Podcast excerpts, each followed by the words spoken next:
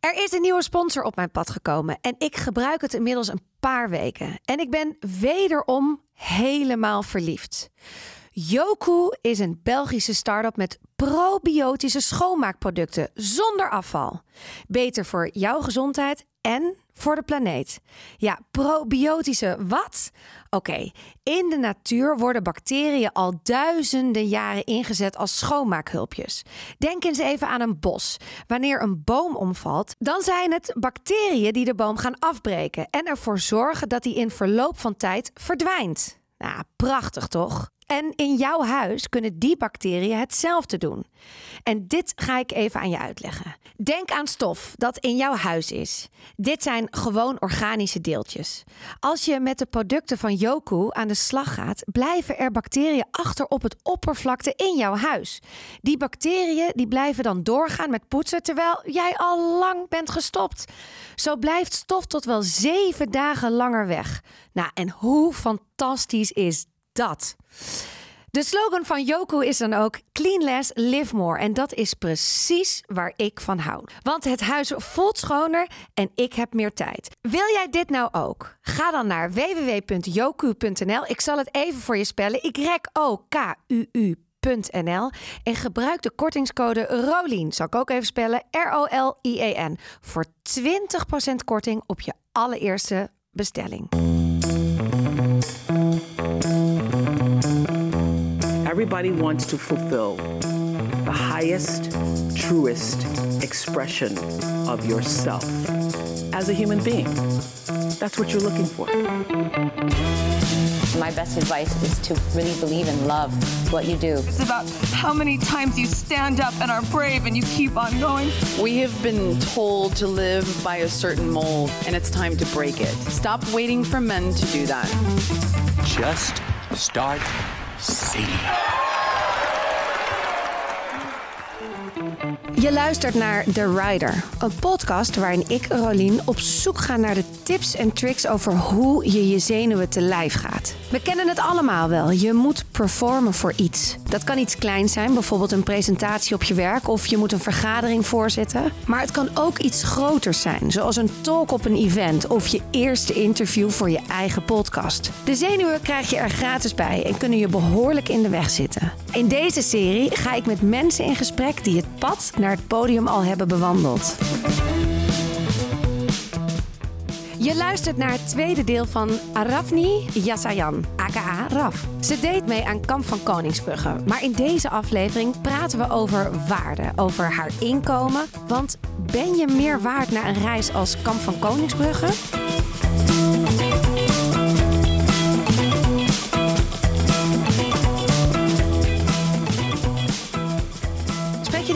Nog wel eens? Eh, ja, via Instagram hebben Ja, we contact. gewoon, er en, is- eh, ja. ja. Ja, er is wel contact. Ja, want je maakt gewoon iets heel intensieves met elkaar. ja, ja. dus in het begin wat vaker. En eh, af en toe nog eens, hey, hoor je hoe is het? En zo. Ja. Dus, ja, hey, en wat doet dit met je? Krijg, krijg je een vergoeding hiervoor? zeker niet. Zeker Oh, niet. Dit is totaal vrijwillig. Mag je zelf die Ja, uren wat- dat je niet werkt, is gewoon Wat een stelletje debielen. eigen investering. ja, Nou ja, het is wel, ja, het is natuurlijk, ze draaien het zo dat jij graag mee wilt doen. ja. En eh, dat je moet het willen. Ja, je moet het echt willen. Maar Als je het het voor het geld doet, ik zou het niet kunnen hoor. Als, als je gevraagd wordt, stel dat je Nee, BN'er maar- bent en eh, hier heb je geld, doe je dan mee? Doe je het dan voor het geld? Nee, of? maar ik snap wel dat er misschien ook een vergoeding tegenover staat. Als jij gewoon twee weken uit de running bent, dat moet je wel kunnen laaien. Ja, ja. Toch? Ik bedoel, dat is, dat, dan, moet je het, he- dan moet je het natuurlijk heel graag willen. Maar ik snap ook dat ze zouden zeggen: nee, je krijgt een vergoeding, want je kan niet werken. ja. Dus is dit, nee. Nee hoor, ik had een t-shirt en een bidon.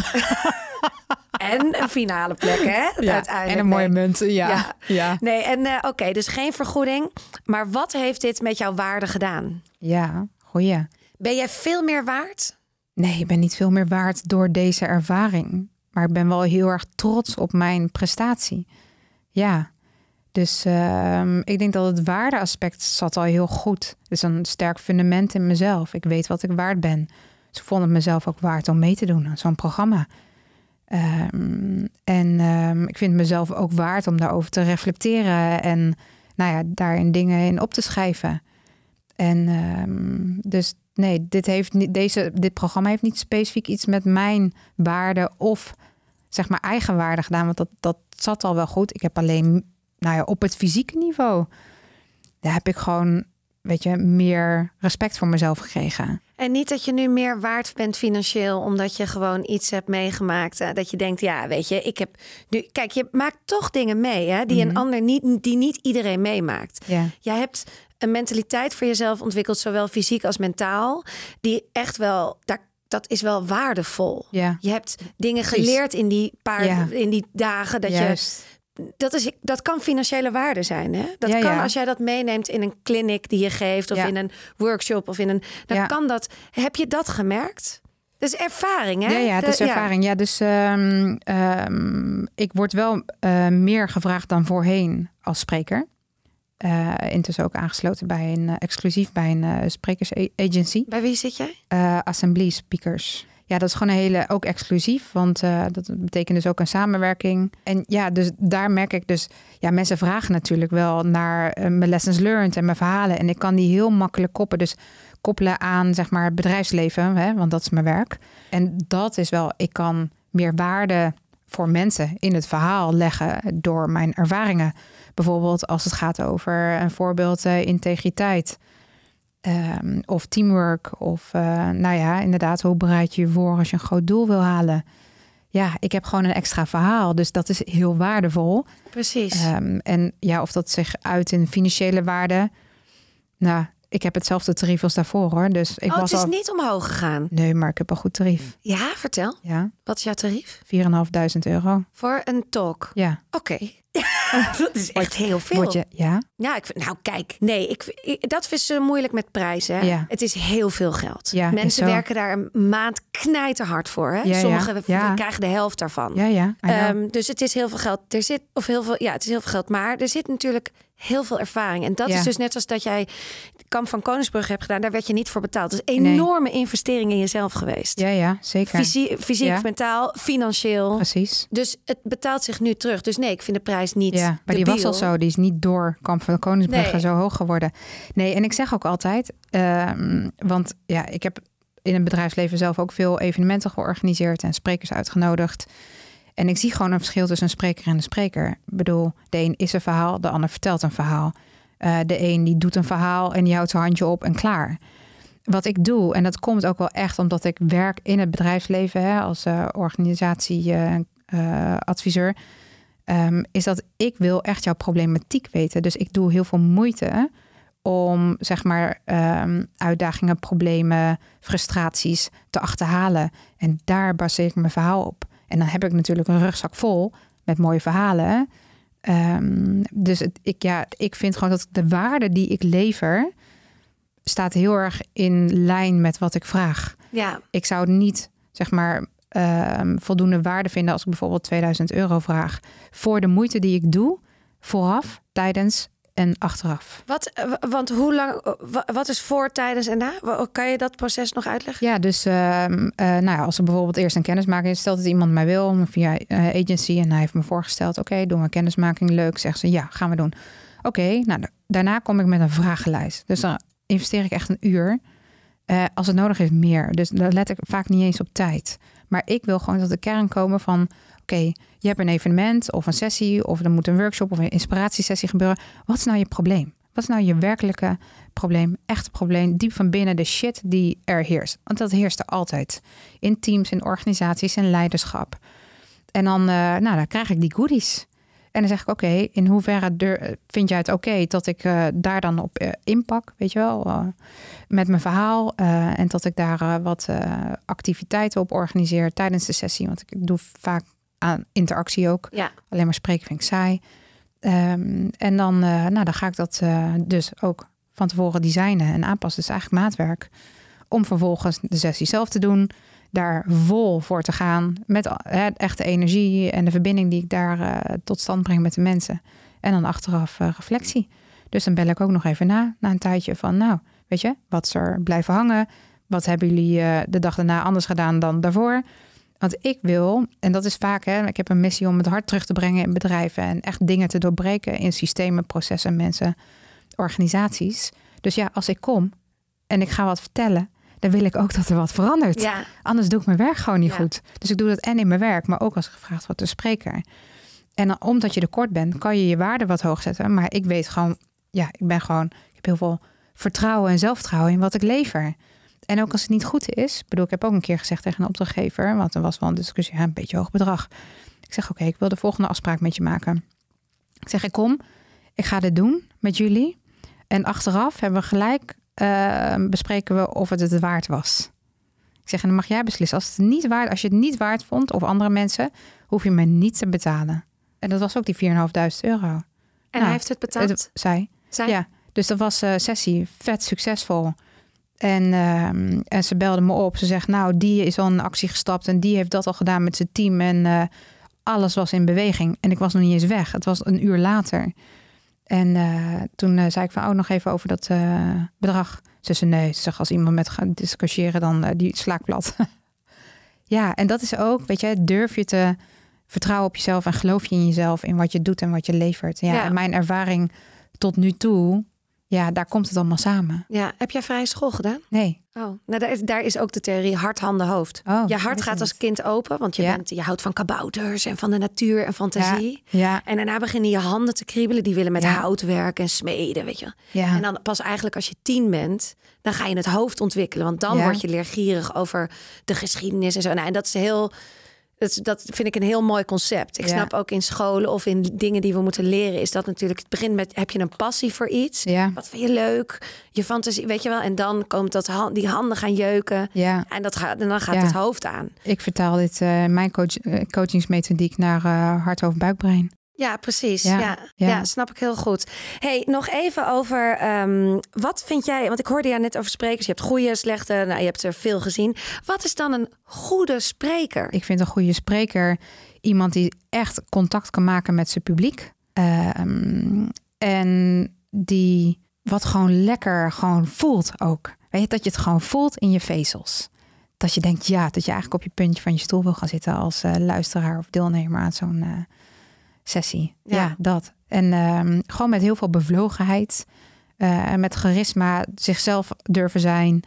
Weet je, Ehm, dat als je dat het even niet lekker loopt of zo, dat het ook oké is. Ja, Ja, weet je, we zijn allemaal mens. Dus ehm, dat hoorde ik van jou ook in de vorige podcast. Dat je dan af en toe daar zorgen over maakt. Maar als je gewoon jezelf kan ownen en daar gewoon staat en weet wat voor verhaal je hebt te delen, contact kan maken met het publiek en ultiem die waarde kan leveren voor die anderen, want daarvoor ben je er. Ja. Dus ja, dat, dat vind ik een goede spreker. Niet Ja. alleen maar als jij je verhaal loopt afsteken, dat is hartstikke leuk. Maar wat heeft de ander daar dan aan? Dus de, de connectie maken met de realiteit van het publiek. Ja, als je dat kan, dat kan vertalen, jouw metaforen, jouw ervaringen, dat vind ik krachtig. dat snap ik. Hoe bereid jij je nog voor op zo'n event? Op dus dan niet een kamp van Koningsbrugge, maar echt een, een groot event waar het 500 podium mensen staan. zitten. Ja, nou, zulke grote groepen heb ik nog niet gehad. Eh, maar laatst eh, was ik bijvoorbeeld gevraagd door het ministerie van Buitenlandse Zaken om naar Armenië te komen. Ik ben half Armeens. En eh, dus dat waren wel grote groepen. Bijvoorbeeld was een groep van 100 studenten. Nou, ga die maar eens aanzetten. Weet je, de generatie van tegenwoordig is toch wat lastiger, denk ik. En ehm, ja, hoe bereid ik me daarop voor? Ja, wel echt heel gestructureerd. Dus dat begint met eh, een doel. Waarom doe ik dit? Hè? Wat wil ik bereiken voor hun? Wat, zijn, wat is een problematiek echt? Wat is een uitdaging? En ehm, ja, dan, eh, dan eh, bedenk ik daar gewoon een leuke sessie bij. En de zenuwen voordat je het podium op gaat? Ja, heb ik niet echt. Nee? Nee, ik denk, er is wel een soort kantelpunt gekomen. Ik weet eigenlijk ook niet waardoor het komt. Als ik er nu over nadenk. Het is ook Ja, vlieguren, hè? Ja, ik denk vlieguren. Ik denk ook, ehm, nou, hoe zit je in je eigen systeem? Hè? Dus ik ben me heel bewust van hoe ik mijn eh, gestel eh, aan kan zetten. Dus middels ademhalen kom je gewoon in de coherente staat terecht. Hey Raf, Rolien hier. Ik heb een vraagje. Ik ben aan het editen, maar kan je toch nog even uitleggen wat je bedoelt met coherente en ademhaling? Thanks. Op het moment dat je stress ervaart of ehm, je zit heel hoog in je ademhaling, dan kan je jezelf in een meer coherente en gebalanceerde staat brengen door middel van de beste tool die we hebben, en dat is onze ademhaling.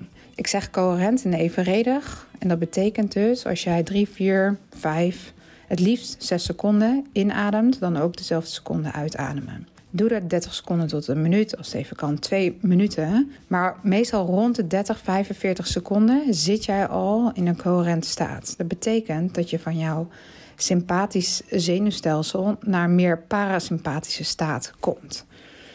En dan, dat betekent dus rust. Dat betekent ook meer gronding. Je komt meer tot jezelf. Dus ongeacht wat voor situatie waar je je ook in bevindt, en je voelt of ervaart dat je, nou ja, hè, je ademhaling hoger wordt, ofwel frustratie voelt, kan van alles zijn. Maar een emotie die op dat moment dat je denkt, ja, dit dient me niet, dit wil ik veranderen. Contact maken met je ademhaling en dus maak die evenredig, coherent, heel bewust. En dan binnen no time uh, ja, ben je, straal je gewoon ook meer uh, coherentie uit naar de buitenwereld. Nou, mooie tool om in te zetten voor jezelf. Uh, en op momenten dat jij uh, dat nodig hebt. Dus uh, succes ermee. Ik zou zeggen, go practice. Ja, dus als je dat kan, dan kan je die zenuwen onder bedwang houden, denk ik. Ja, en ik denk gezonde zenuwen zijn er altijd. Um, maar ja, als je gewoon een beetje plezier kan hebben en kan maken in het moment, ja, dan is het ook zo ja. erg. En ik denk ook, ja, als je voor een publiek staat en je hebt gelijk leuk contact. Ik zou het denk ik heel moeilijk vinden als je die stoïcijnse mensen in je, je sessie hebt. Maar heel vaak, ik had laatst een, eh, een hele leuke middag. 250 vrouwen, mocht ik dagvoorzitter zijn. Ja. Nou, en dat, en ik heb dan, ik, ik weet, het komt altijd goed. Ja. Ik kan mensen snel aanzetten. Ik ga gewoon in het enthousiasme. Ik ben niet bang om op mijn bek te gaan. Ik durf kwetsbaar te zijn. Ja. Maar die eerste tien minuten. Ja, die zijn spannend. Oh my god. En het erg is, achteraf heb ik nu ook gezien, ze hebben het, zij hebben het niet, Niet door. door, hè? nee. Maar ze kijken je zo aan. 250 gezichten die zo, Ja, stoïcijns dus. ja, zo heel angstig naar je kijken. Want die vinden het zelf ook allemaal spannend. Hè? Die Ja. weten niet wat er gaat gebeuren Ja. nog. Die, Ja. Sommigen komen alleen naar zo'n event. Nou, dan zie ik dus die gezichten en denk ik, oh my god. Ja. En dan gaat het zo. Dan ga ik daar staan en dan gaat zo. Hoi, welkom op dit event. Want ik ben Aline Waals. We zijn een podcast en met z'n allen. En dan vijf minuten later. En dan zie, zie ik echt iedereen kijken. en Wat heeft deze vrouw gezegd? Wat heb je op? En dan, wat heeft ze op? Wat heeft ze gezegd? Wie is zij? Nou, en dan, en dan raak ik helemaal. Dus die eerste tien minuten. Ik moet eigenlijk echt leren op dat podium te gaan staan. Een stilte te laten vallen. Even iedereen zo aankijken. Ja, Zeggen welkom. ja. En hoe, hoe, waar voel jij de zenuwen? In mijn hartslag. In je hartslag? Ja. Ja? En dan vervolgens mijn Elke keer? Nou, kijk, ik heb het nog maar vier keer gedaan. Oké.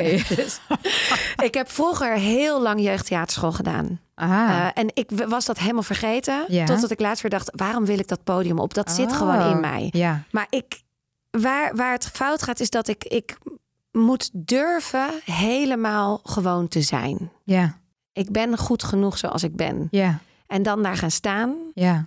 Gewoon, mijn verhaal mag even verteld worden. Kijk, als het over anderen gaat, I love it. Ja. Ik kan vragen stellen. eh, Maar als het over mij gaat, vind ik het gewoon heel spannend. Ja, Dus Ja. je, in die eerste tien minuten of vijf minuten vertel je even je verhaal. ja, En dat moet gewoon in volle rust. ja, Ah, Daar wil ik het snelst doorheen. ja, En dan let's talk about you. En Ja. dan, precies. ja, en dat vind ik dus Is nog een beetje wiebelig.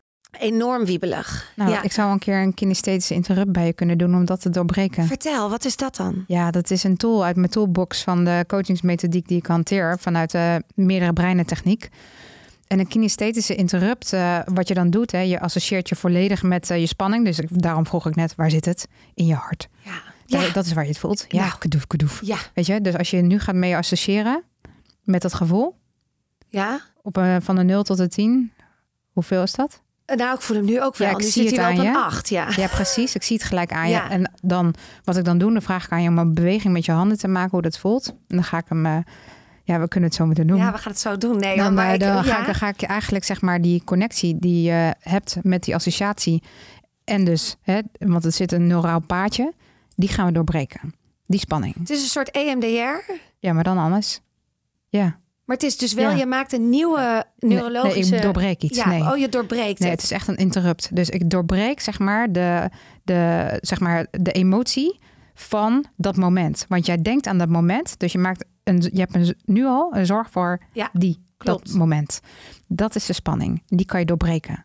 Dus nou ja, we kunnen straks even Oh, dit interrupt. interessant. En dan ja. eh, kunnen we even testen of het werkt. Ja, Of je volgende keer op het podium staat en dat je gewoon in alle rust. Want dat lijkt daar me kan staan. zo fantastisch. ik merk het dus al soms in de podcast als het te veel over mij, als ik het naar mij toetrek, Ja, dan word ik ook al een beetje. En dat is helemaal niet nodig. Er is ruimte voor iedereen en Ja. ook voor mij, weet je Ja. wel. Maar het is, een, het is inderdaad een aangeleerd gevoel. ja, En als ik daar dan eenmaal in zit, dan kom ik daar dus niet meer uit. ja, Ja, het is Ja. super irritant. ja. Nou, kunnen we, Wat even- interessant. kunnen we zo wel even doen. Hey, hoeveel verdien jij per maand? Eh, op het moment, nou, ik heb hem. eh, het, het moet wat meer worden, maar eh, ik zit op de tussen de rond de 5000 euro netto is niet veel. En dat vind je niet veel? Nee, nee, joh, voor wat ik dan maar doe. Nee, dus ik heb twee bedrijven, hè? Koffie? Dus ja, koffiebar en zeg maar Hardcore Lab is mijn eh, agency in de organisatie cultuurontwikkeling, leiderschap, training en coaching. En de specialty koffiebar Hummingbird Amsterdam. Ehm, en daar hou ik nog geen cent uit. een beetje vrijwilligerswerk. Ja. Maar dat is, ja, weet je, pandemie tussendoor. Toen, dat, weet je, we waren net een jaar open. Toen gebeurde de Ja. pandemie. Dus dat was 2,5 jaar overleven. Afgelopen jaar goed jaar gedraaid. Maar ja, dit jaar wordt een beslissend jaar. Hoe verder voor de toekomst? Eh, zelf geïnvesteerd in een bedrijf. Dus allemaal, zeg maar, geld eh, daarin gedouwd. Maar daar haal ik zelf nog niks uit. Dus ja, ik kan alles en iedereen betalen en er blijft wat over. Maar ik haal daar nu geen geld uit, omdat ik alles wil herinvesteren in ontwikkelingen waar we mee bezig zijn. Ehm, nou ja, en dat is dus wel afgelopen jaar. Dus heb ik een financiële man aangetrokken om eh, zeg maar lekker te sparren met hem.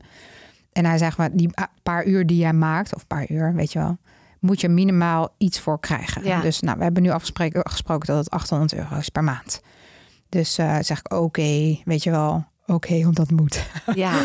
Dus, maar ja, goed, weet je, dat, ja, voor mij, weet je, zit de waarde meer aan de achterkant. Dus als het meer winst gaat doen en dat blijft op de rekening staan op een gegeven moment, ja, kan ik daar wat mee, zeg maar, voor mezelf. Ik hoef daar niet salaris uit te halen op dit moment. En ehm, ja, weet je, en op mijn eigen, zeg maar, eh, management fee, ja, is niet eens zo heel hoog, kan veel hoger. ja. Ik vind wel dat het 15.000 euro per maand moet zijn. Eh, Sorry, eh, bruto, weet je? Uh, Hoeveel Tussen hou je de netto 15 dan en- over? Ja, dan zit je op de eh, Acht, acht, negen? Ja, dat. Ja, ik wil eigenlijk naar de 10 netto. Minimaal. Ja, vind ik mooi voor zeg maar de intense, het intense werk wat ik allemaal doe.